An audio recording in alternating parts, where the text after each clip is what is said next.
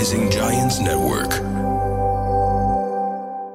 أكو ناس بحياتنا مثل الشوك يشوكون بينا ويجرحونا. ممكن أصدقاء ممكن حبايب شريك حياة بس ما نعرف شو نسوي بيهم. هل نتركهم بحياتنا ولا نطلعهم برا حياتنا؟ وشلون نتعامل وياهم؟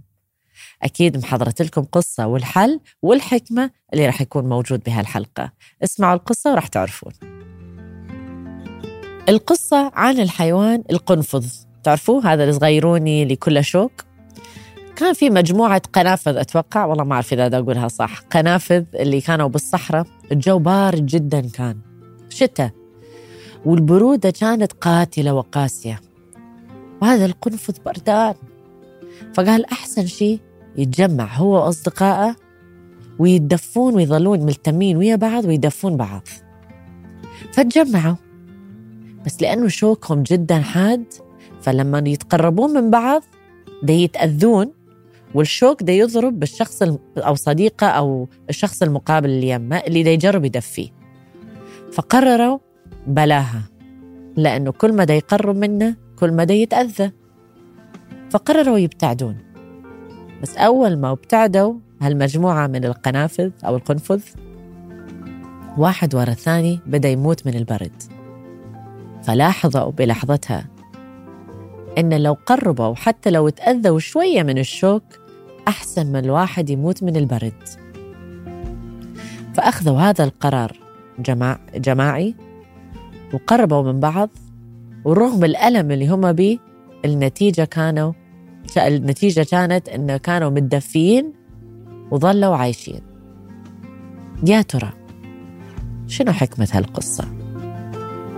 رح أعطيكم لحظة فكروا بيها وس رح أعطيكم الحل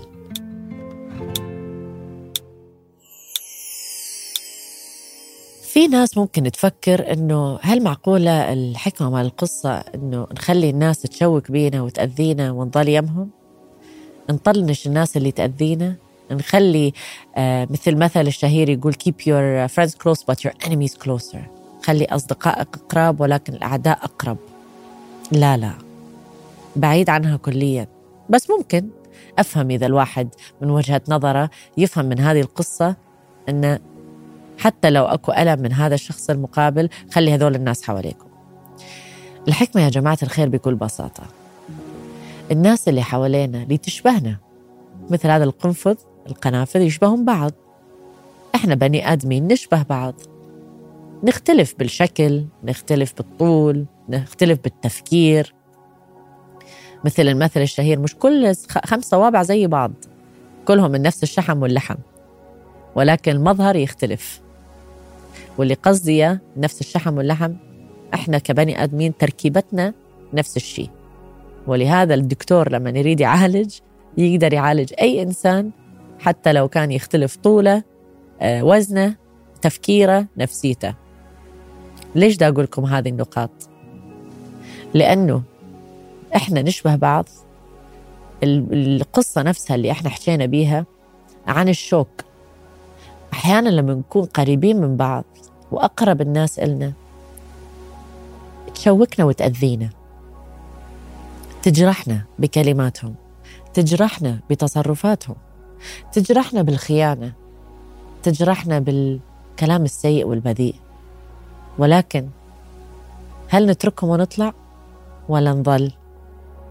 لأنه بالقصة اللي إحنا سمعناها أنه فضلوا ينجرحون ويظلون ويا بعض ولا يفت يفترقون من بعض ويموتون.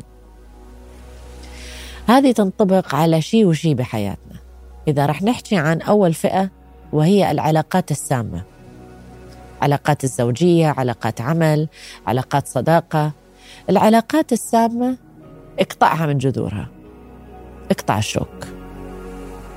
هي مو قصة تنجرح كلمة مرة مرتين ثلاثة اقطعها. لأن هي علاقة بمجرد سامة لازم تروح. لأنه الشوك عن شوك يفرق. أكو الشوك اللي يأذي بس أكو الشوك المسم. اللي بيسم تخلص من عنده. بس هذا مو تركيزنا بهذا البودكاست اليوم. تركيزنا بهذا البودكاست اليوم هو الشوك اللي يجرح. اللي يجرح ممكن بتصرفاته أو كلماته. ولكن من جوا مو قاصد. مثل مرة ذكرت أفصل النية عن السلوك. سلوكه يكون جارح ويكون قاسي بس نيته مثل هذه القصة أنه يدفيك ويحتويك. الأهل الأم الأب يكونوا حريصين على أولادهم. بسبب الحرص الزايد مالتهم شو يقولوا لهم للأطفال؟ ماكو طلعة لا تتأخر وينك؟ كل شوية تليفون. المرأة لما تتصل بالرجال وينك؟ لحد الآن ما رجعت البيت. فالتصرف ممكن يكون مزعج أو يجرح. ولكن النية شنو؟ النية المحبة الحرص الحب. فإذا أخذتوا لحظة وفصلتوا النية عن السلوك لكل الناس اللي أنتوا كان يخطر على بالكم جرحني. بتصرفاته. وارجع أقول هذا الموضوع جدا واسع. أكو تصرف عن تصرف. أنا ما دا أتكلم عن الخيانة والناس السامة. أنا دا أتكلم عن أشياء بسيطة اللي سببت جرح. وبالعادة تكون تصرفات أو كلام. ولكن نية مال هذا الإنسان كانت جدا طيبة وجاية من محبة. ولكن التصرف مالته كان عنيف شوي. وإحنا ما نقدر نسامح ونصالح هذا الإنسان لأنه مجروحين. فإذا تريد تكون مثل قنفذ يتدفى ويعيش بحياته مع دفء أحبابه والاحتواء والحضن اللي اللي يحتويهم كون الشخص اللي يفصل النية عن السلوك. هذا الإنسان هو الإنسان اللي راح يرتاح وحيخلي حبايبه حواليه. الطريقة لفصل النية عن السلوك راح أقول لكم إياها. لأنه أكو أحيانا يقولون سهل الواحد يقولها صعب يطبقها فخليني أسهل التطبيق عليكم. إذا أنت بموقف تريد تفصل النية عن السلوك بهذه الطريقة اللي راح أقول لكم إياها اللي راح تريحكم. أول شيء تأخذ لحظة وتفكر بالموقف. وتفكر هذا الشخص المقابل ليش يتصرف بهذه الطريقة؟ ليش على صوته؟ ليش جرحني بكلامه؟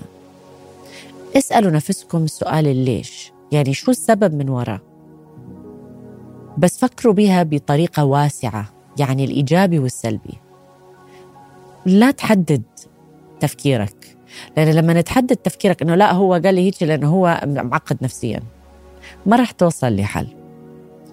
بس لما تشوف الصورة من الخارج أو من شخص ثالث رح تقدر تشوف من هذا المنظور إنه هذا الإنسان ليش يتصرف هذا ممكن يكون لأنه حريص علي ممكن يكون لأنه يحبني. في ألف تفسير لتصرف واحد. فكر بيهم. وشوف هل فعلا هذا الإنسان ده يتصرف بهذه الطريقة لأنه يحبني؟ وإذا بالأخص إذا كانوا الأهل أكيد ده يتصرفون لأنه يحبوكم. لأنه حريصين عليكم. لما توصل لهذه النتيجة باللحظة راح تشوف أن أنت شعورك تغير اتجاه هذا الموقف أو هذا الإنسان. ليش يتغير الشعور؟ لأنه ذكرتها قبل وراح أرجع أذكرها هسه. لما نفكر العقل يبعث رسالة للجسم حتى يفرز هرمون معين. هذا الهرمون اللي يحدد المشاعر.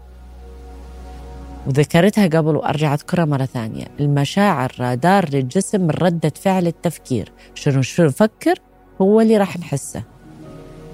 فلما نتفكر عن شخص قدامك إن الشوك مالته وكلامه الجارح اجى من باب المحبة محبه وفصلت النية عن السلوك شنو تتوقعون مشاعركم راح تكون؟ غضب؟ لا. لأنه بمجرد غيرت تفكيرك تجاه الموقف رح تغير شعورك. بهذه الطريقة أنت لا تكذب على نفسك ولا تغير تفكيرك إنه خليني أفكر بطريقة إيجابية. تعرف هذا الناس خليني أكون إيجابي دائما 24 ساعة. لا. ما دا أقول لك كون مجنون إيجابي 24 ساعة. دا أقول أعطيك حل. كون منطقي. فكر بالموقف. فكر بالإنسان اللي أمامك. لأن لما توصل لحل أنت مقتنع به. ومو مجرد أنه أنا إنسان لازم أكون إيجابي لا. موقف أنت مقتنع بالتصرفات الشخص المقابل النية مالته. حتشوف إنه ما مضطر تحط هذا الافورت والجهد الزايد حتى تغير من من شعورك ولا طريقة منظورك اتجاه الشخص المقابل. وبهذه الطريقة فصلتوا النية عن السلوك. وأهم شيء ريحتوا نفسكم. وإذا متزاعل من أي أحد سامح فكر. والطريقة يقول وايا كتبتوا لي أنتم بالتعليقات قلتوا لي ميس شلون أسامح؟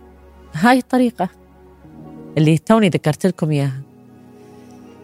إذا فصلت النية عن السلوك حتعرف تسامح. إذا حبيت نفسك حتعرف تسامح. حلقات هواية إذا حطوا لي الرابط مال حلقة لحظة عن التسامح لحظة عن حب الذات لحظة عن حب النفس كلها مرتبطة سوية في بودكاست لحظة مع ميس. صح هي قصص مختلفة ولكن كلها مرتبطة بنقطة واحدة وهي السعادة. فأخذوا هاللحظة وكونوا سعداء.